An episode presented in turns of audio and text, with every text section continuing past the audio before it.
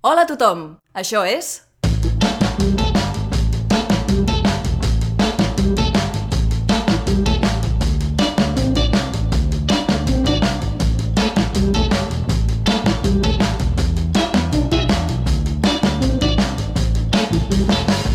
Verícid sulfúric. Avui a Verícid Sulfúric, Mà a l'Astre. Escrit per Anna Ferrer Albertí i Vicent Ortega, amb Roger Martínez com a Benjamí Bonastre, Vicent Ortega com a Ramon Puig de Llíbol i Fam, Oriol Fages, és a dir jo, com a Pere Llorca i Guerra. Llubí Casas com a Sebastià Iborra i Victòria, Laia Garcia com a Dolors Rodrigo, Anna Ferrer Albertí com a Maria Pitarc i Pau Pérez com a senyor i mort. Benvinguts a les tardes d'en Benjamí. Soc en Benjamí Bonastre, el seu presentador preferit. Els felicito per haver sobreviscut un dia més. Són les 4 i avui fa una setmana que es va desencadenar l'apocalipsi.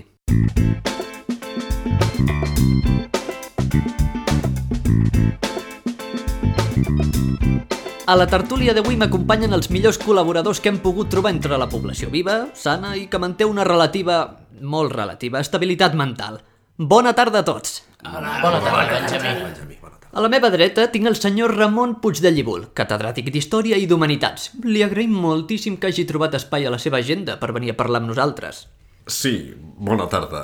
Em sap greu no poder-me quedar més estona, però m'esperen per fer una ponència sobre la fi del món segons els textos religiosos. No i... pateixi, senyor Puig de Llibul. Probablement el lloc on es celebrava la ponència ha estat engolit pel forat negre que, ens acaben d'informar, s'ha format a pocs quilòmetres d'aquí. Vaja. Doncs res. A la meva esquerra, Pere Llorca, pare de família i entusiasta de la violència.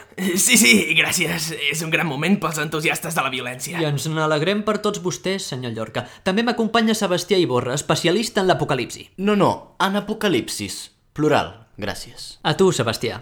I finalment Dolor Rodrigo, en fase de negació. Això és mentida. Ja la senten. La Dolors va ser una de les primeres afectades per la situació que estem vivint. La seva franquícia de paraigües Stop Waters va caure en picat quan es van manifestar els primers indicis de pluja àcida. És clar, per molt paraigua que portis, la cara se't fondrà igualment, oi, Dolors? Va ser una desagradable sorpresa per tothom, sí. Afortunadament aquell dia no vaig sortir de casa. Imaginin que seria el món sense aquesta cara. Però, en fi, tornem amb la Dolors. L'apocalipsi et va canviar la vida, però tu no et vas enfonsar, oi, Dolors? Com diu, eh, deia, eh, deia la meva psicòloga, el primer pas per la superació personal és creure en tu mateix. Això no té res a veure amb res, senyora. Són paraules buides, no se n'adona? No? Tal com els he comentat, la Dolors es troba en fase de negació. I ara que estem tots presentats, connectem ràpidament amb la nostra enviada especial, Maria Pitarc. Maria, on ets? Bona tarda, Benjamí. En aquests moments estic situada sobre les restes de la catedral de Santa Sofia a Istanbul. Disculpa, Maria, les restes? Efectivament, Benjamí. La pluja de meteorits ha sigut devastadora, ha tingut un efecte brutal i estic envoltada de cossos agonitzants. Cal dir que són cossos d'arreu del món perquè aquesta és una zona molt turística. Bueno, era. Ah, Maria Pitarc, sempre tan ocorrent. Podem parlar amb algun testimoni? Sí, de fet, Benjamí, aquí hi ha un senyor a qui li queden pocs minuts de vida i que s'ha vingut molt amablement a concedir-nos els seus últims instants en aquest pla dimensional. Com ha estat, bon home? Sí, mira, els maies ja ho deien. A mi no m'ha agafat desprevingut, precisament. Però què has de fer? Una pluja de meteorits no la pots evitar de cap manera. Jo el volia tocar. I si plouen meteorits, el volia tocar. Alguna declaració per la posteritat? Eh, sí. La llet de soja no és llet. És semblant la llet, però no és llet. I mai ho serà.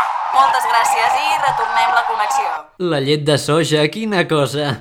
El món està ple de punts de vista meravellosos i gent interessantíssima. Això deia la meva psicòloga. El cel, sí. El cel no existeix. No hi ha més enllà. Només hi ha foscor i agonia. I crits de terror. I la certesa que mai has estat res i mai ho seràs. Una minúscula existència transcendent en la immensitat de l'univers. T'he de puntualitzar, Pere, que l'univers ja no és tan immens. Ha començat el Big Crunch. I si no ens maten les epidèmies, els desastres naturals i la desesperació, ho farà el propi univers que ja s'està contraient. Puc sortir fora un moment? N'estàs segura, Dolors? No, no cal. Com deia, l'univers acabarà cabint en una capsa de sabates. I nosaltres farà segles que no existirem. Però sense més preàmbuls, passem a la tertúlia d'avui. Donarem la paraula a Ramon Puig de Llibul. Ramon, Eh, Et puc dir Ramon? No. Ramon. Si em permets la llicència, Ramon, eh, com està el món? Bé, respecte a això últim, la primera pluja de meteorits documentada va tenir lloc a l'Àsia Oriental al segle XIII. Eh, molta gent creu que van ser les invasions mongòliques el que va marcar un abans i un després a la història del continent. Però no, van ser els meteorits. Perdoni, exactament com es relaciona o es confon una pluja de meteorits amb una invasió mongòlica? Miri, no contradigui la història. Hi hauria de ser un altre lloc. Uh, Sebastià, sembla que tens alguna cosa a dir. Què n'opines de la situació actual? Doncs ens trobem en un cas excepcional de multiapocalipsi. En el transcurs de la història s'havien imaginat molts tipus diferents d'apocalipsi i fins i tot en coneixem casos concrets en universos paral·lels. Però aquesta és la primera vegada que passen tots alhora en un sol planeta, en una sola línia temporal i en una sola dimensió. És el millor dia de la meva vida. Per favor, senyor. Continuï, si plau, Sebastià. Quan fa una setmana va començar la pluja àcida a Europa, tots ens pensàvem que aquest seria l'origen de l'apocalipsi i s'anirien succeint les catàstrofes biològico-nuclears. Però aleshores ens van arribar notícies que Amèrica del Nord s'estava patint una rebel·lió tecnològica, la mundialment coneguda, i si em permeten, molt previsible, Cybernetic Rebel, també augurada, com tots saben, com Robot Uprising o rebel·lió robòtica. No gaire més tard, al sud d'Àfrica es van començar a registrar comportaments inusuals. Primer es creien causats per la mutació d'un virus, però finalment van resultar ser una zombificació de manual. Jo ho vaig dir des del principi. On sí que hi va haver epidèmies gravíssimes va ser a Austràlia. Queden pocs supervivents, però ens consta que tots estan afectats. La malaltia, de causa desconeguda, allibera una pressió dins l'organisme que provoca el trencament de teixits capilars, musculars i ossis. Mai s'ubica a la mateixa part del cos, però en resum, el que els passa als afectats és que... Rebenten! El que passa és que rebenten! Hi ha bitxes per tot arreu, i sang i pànic per tota Austràlia. Sí, bàsicament. Per últim, a l'hora de dinar d'aquell mateix dia, vam saber que tres quartes parts de la població mundial havien desaparegut. Així, sense més ni més. I els que queden segur que ens estan escoltant. El primer dia de l'apocalipsi va ser un dia memorable. Pere, mm, tu com vas viure el primer dia de l'apocalipsi? Era a casa, estava prenent xocolata desfeta com cada matí. Feia un temps raro, jo vaig veure que feia un temps raro. Vaig sortir al balcó, vaig mirar avall i vaig veure el meu propi carrer. Era com una bassa, era com vòmit, però de sobte cridava i deia Pere, Pere, ajuda'm, Pere! I era la meva veïna, totalment desfeta, per l'àcid, totalment desfeta. Em va caure la tassa a terra. Per la impressió. Ha de ser una imatge molt dura. No, què diu? D'alegria. Sabia que era només al principi. Les veïnes no es desfan així com així. Allò era molt més gran que nosaltres. I vaig posar la tele i arreu del món passaven coses divertides. I era com un somni fet realitat. Per això quan va arribar la meva dona vaig anar a abraçar-la i a dir-li que tot aniria bé, que les coses començaven a funcionar. I ella em va dir, jo també t'estimo, Pere. I, i, I aleshores va desaparèixer. Perquè era una de les tres quartes parts de la població que va desaparèixer. A casa meva! La meva dona! L'apocalipsi dins de casa meva! L'apocalipsi a domicili! I ara estic bé. Estic molt bé. Perquè creus en tu mateix. Però què diu? Estimada Dolors, quina és la teva opinió de tot això? Sí, jo fa estona que els volia dir. Que no ens hem de preocupar per res. Tinc fons molt, molt fiables que parlen d'una conspiració a nivell internacional. És cosa del govern, però ho tenen tot controlat i ho fan pel nostre bé, perquè es preocupen per nosaltres. I si estan matant els nostres amics, coneguts i familiars, ho fan perquè els supervivents tinguem una vida millor. Han escampat les diverses formes d'apocalipsi per provocar una selecció natural necessària per determinar el futur de la humanitat.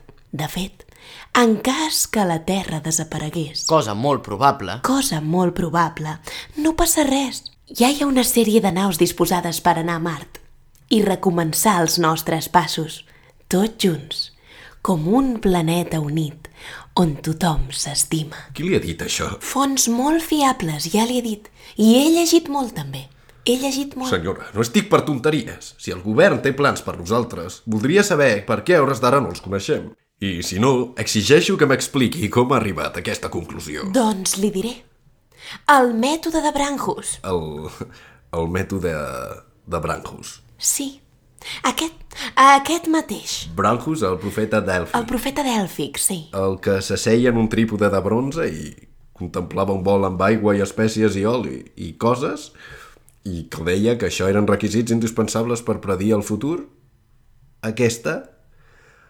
Aquesta és la seva font fiable? Sí? El mateix mètode que feia servir Nostradamus, que en una carta a Enric II, li recordo que sóc catedràtic d'Humanitats i Història, en una carta Enric II va escriure He vaciado mi alma, cerebro y corazón de toda preocupación y he logrado un estado de tranquilidad y quietud de la mente, los cuales son requisitos para predecir a través del trípode de bronce. És la seva font fiable? Sí, que li dic que sí. La mato!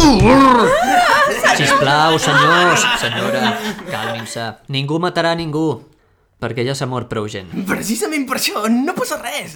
Perdonin un segon, però estic mirant la meva aplicació de smartphone sobre l'apocalipsi, l'apocalipsi, molt recomanable. 5 estrelles. I el forat negre s'acosta una mica més.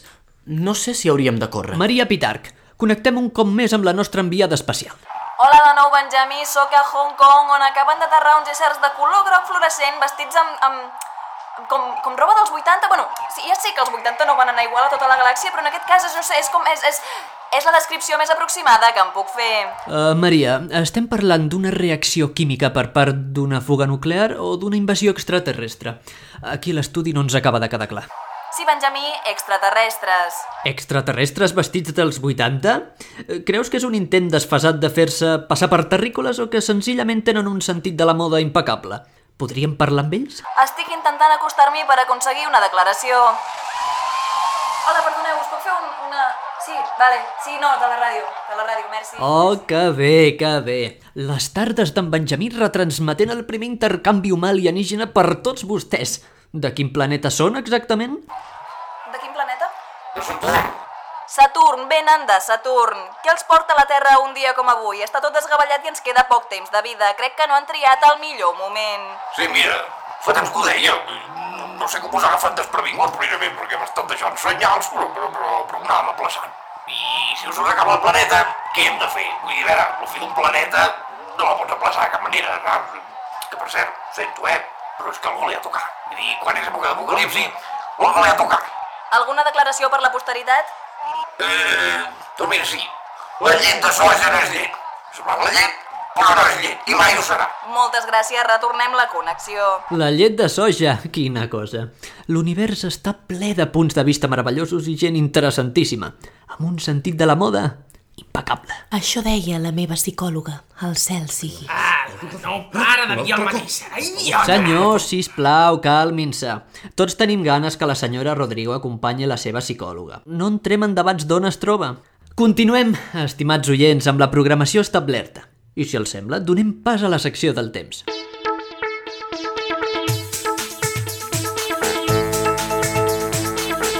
Durant la tarda d'avui començaran a registrar-se les primeres precipitacions al terç nord del continent asiàtic, sobretot a les zones de muntanya. El núvol negre que va aparèixer només fa uns dies sembla que deixarà unes precipitacions de cendra d'un 80% per metre quadrat. La calor inundarà la part septentrional d'Amèrica del Sud, amb temperatures màximes que podrien arribar fins als 250 graus. Procurin no sortir de casa i, si ho fan, hidratin-se correctament i descansin si senten marejos. D'altra banda, a la zona de l'Europa central meridional, el terra s'esquitxarà traient a la superfície criatures de l'inframont. Espero que no tinguessin gaires amics pel sud-est d'Itàlia perquè ja no existeix. Per últim, unes dades que ens acaben d'arribar diuen que a Oceania també registraran precipitacions de vora el 70% de les vísceres de la gent que va morir rebentada. Un cop evaporades, han de tornar a caure. El cicle de les vísceres. Tot això, clar, amb permís del forat negre, que és qui decidirà si podrem veure tot això o no. Vull anar a Austràlia a fer turisme. Ai, no, no, no, no, no. Tranquil, Sebastià, si ens passi el que ens passi, les nostres morts seran tan ràpides que ni ens n'adonarem. Però si no anem a morir... No, no, si el que em passa és que tenia un projecte de Barcami amb uns companys d'Itàlia que estava molt bé. I clar, són de Bari. El projecte es deia Guia per la supervivència ara que al final és aquí. Multilingüe. Anava a ser internacional. Quina Disculpa que t'interrompi, Sebastià, però tinc a la nostra estimada enviada especial Maria Pitarc demanant-me pas ràpidament. Digues, Maria, t'escoltem. Hola novament, Benjamí, estimats seguidors de les tardes d'en Benjamí. Em trobo en aquests mateixos instants a Quebec, on sobtadament el cel s'ha obert i han sortit els quatre genets de l'apocalipsi molt violentament, amb molta força, amb molta potència, molt fort. Ara sí que l'hem fet a l'ona. Eh, Creus que seria possible que dediquessin unes paraules al nostre programa? Anem a intentar-ho, Benjamí, però no puc prometre res. Els quatre genets de l'Apocalipsi, segons les escriptures religioses de l'Apocalipsi, capítol 6è, van sortir d'un pergamí que Déu tenia en la seva mà dreta, en el qual hi havia set segellats, i ell va obrir-ne quatre, alliberant-los. Cada un d'ells seu sobre un cavall de diferent color. El cavall vermell simbolitza la guerra, el cavall negre la fam, el cavall bai la mort i el blanc la victòria. Si realment han aparegut i són ells de debò, podem donar-nos per perduts. Benjamí, Benjamí! Digues, Maria. Atenció, acaba d'aparèixer la policia muntada del Canadà amb espases i sembla que es disposen a combatre els genets de l'apocalipsi en el que podria ser la batalla més èpica de tots els temps. Amb tantes idees que hi ha hagut per fer pel·lícules a Hollywood i que ningú se li hagi acudit això, perquè la veritat és que la imatge que estem veient ara mateix és èpica, Benjamí. La veritat és que sí, una pel·lícula èpica entre els genets de l'apocalipsi i dues o tres brigades de la policia muntada. Uau, seria una passada. Com els pot haver passat per alt? Perdona, Benjamí, però la policia muntada ha hagut de fugir davant l'amenaça dels genets de l'apocalipsi. Pel que sembla, el genet de la mort ha dit alguna cosa semblant a «Mmm, te reviento» i no han pogut suportar el pànic. Ui, ui, s'aproxima a nosaltres el genet del cavall blanc, a veure si podem parlar-hi. Perdona, perdona, sí, hola, sí. Benjamí, oients, tenim amb nosaltres el genet del cavall blanc, el genet de la victòria. Genet de la victòria, tens alguna cosa a dir a la població mundial? Sí, hola, bona tarda. La veritat és que ha sigut una batalla espectacular, el rendiment ha sigut l'esperat per part de l'equip, a nivell individual m'he sentit còmode. Sabíem que la policia muntada té els seus recursos i que saben com fer mal, però de seguida sortir del mort i anomenem així entre nosaltres.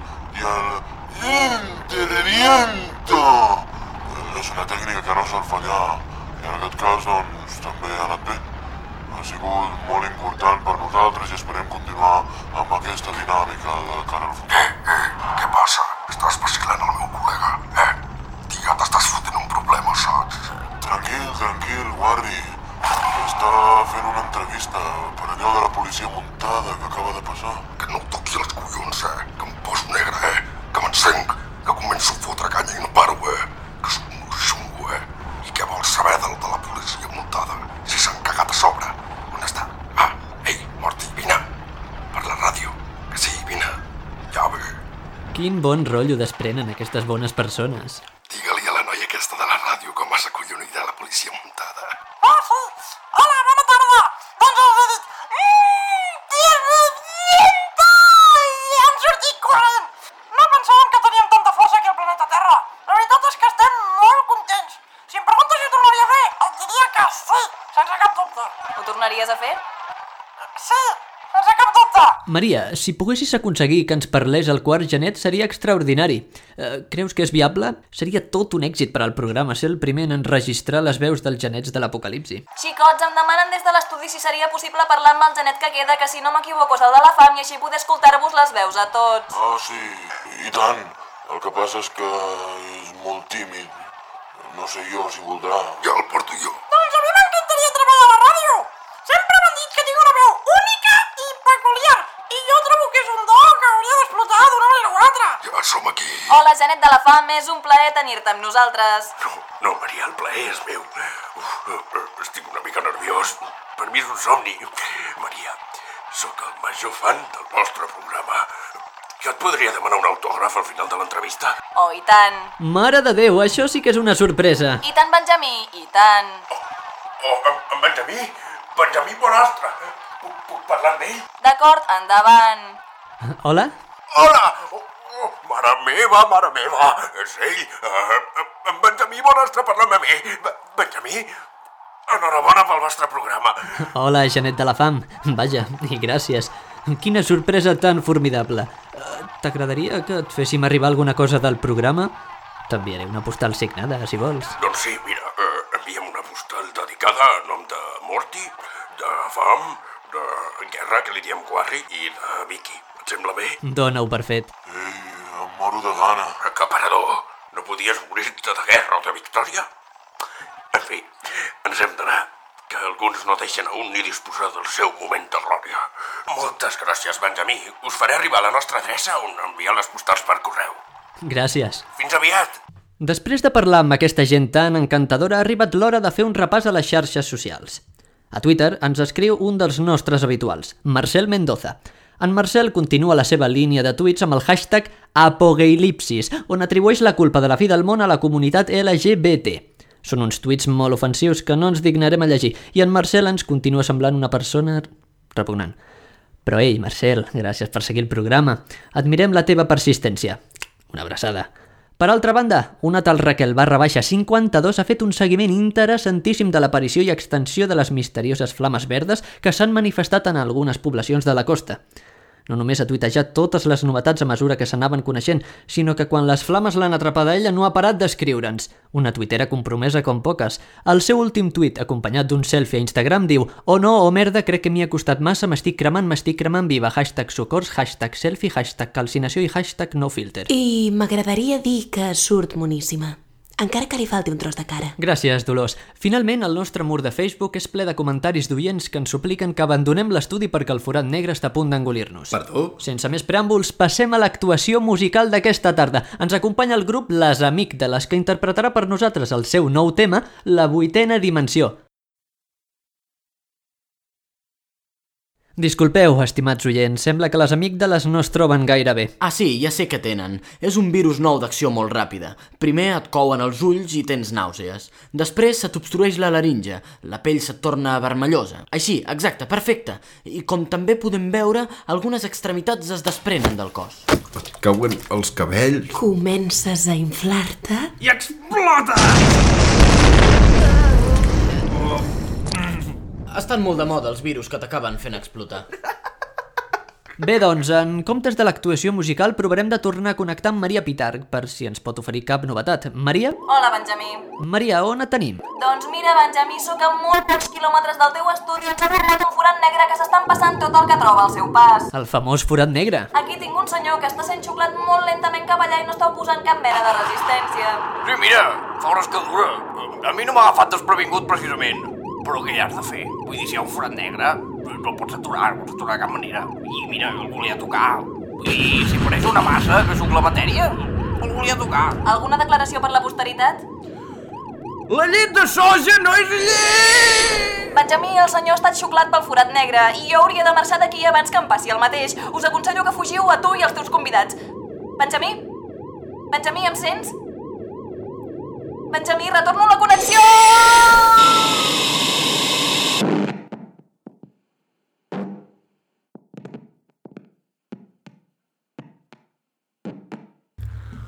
Terrícoles! Us parlo des de Saturn. La base d'operacions de la retransmissió que estàveu escoltant ha desaparegut. Si rebeu aquest senyal, us aconsello que apagueu els vostres receptors immediatament i foteu el camp. Salveu la vida mentre sigueu capaços, perquè per vosaltres ja no hi ha cap esperança. Ara, per la resta dels planetes, ens estem divertint molt veient-ho. Molt. Al capdavall, nosaltres també desapareixerem quan l'univers es contragui i mereixem estar entretinguts, oi? Bona sort!